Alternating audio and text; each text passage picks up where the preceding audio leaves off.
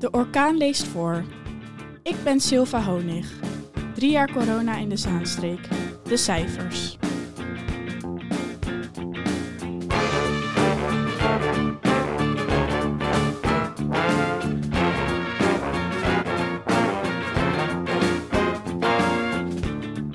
Op 4 maart 2020 werd de eerste Zaanse coronapatiënt in het ziekenhuis opgenomen.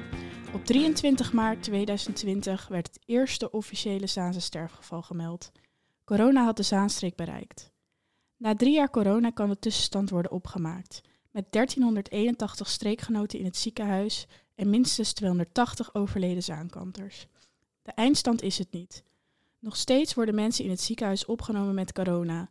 De laatste was op 22 februari. De drie coronagolven zijn het best zichtbaar bij de overlijdingsgevallen. De eerste golf was kort maar hevig en doofde snel uit, zodat de zomer van 2020 relatief normaal was.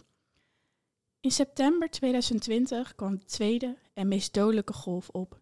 Die duurde tot de zomer van 2021.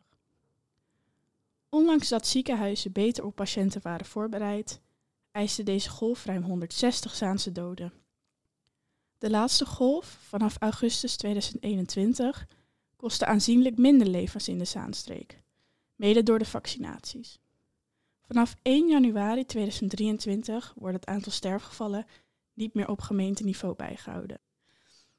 Sinds maart 2020 overleden 280 streekgenoten aan corona volgens de cijfers van het RIVM. Het aantal sterfgevallen is in feite hoger, onder andere omdat het niet verplicht is de oorzaak door te geven aan de GGD's. Het CBS stelt op basis van de cijfers van officiële overlijdensberichten dat het in feite bijna 80% hoger is. In totaal zijn er sinds het begin van de pandemie 1400 zaankanters in het ziekenhuis terechtgekomen met corona. De eerste golf duurde kort. De tweede en derde gingen in elkaar over.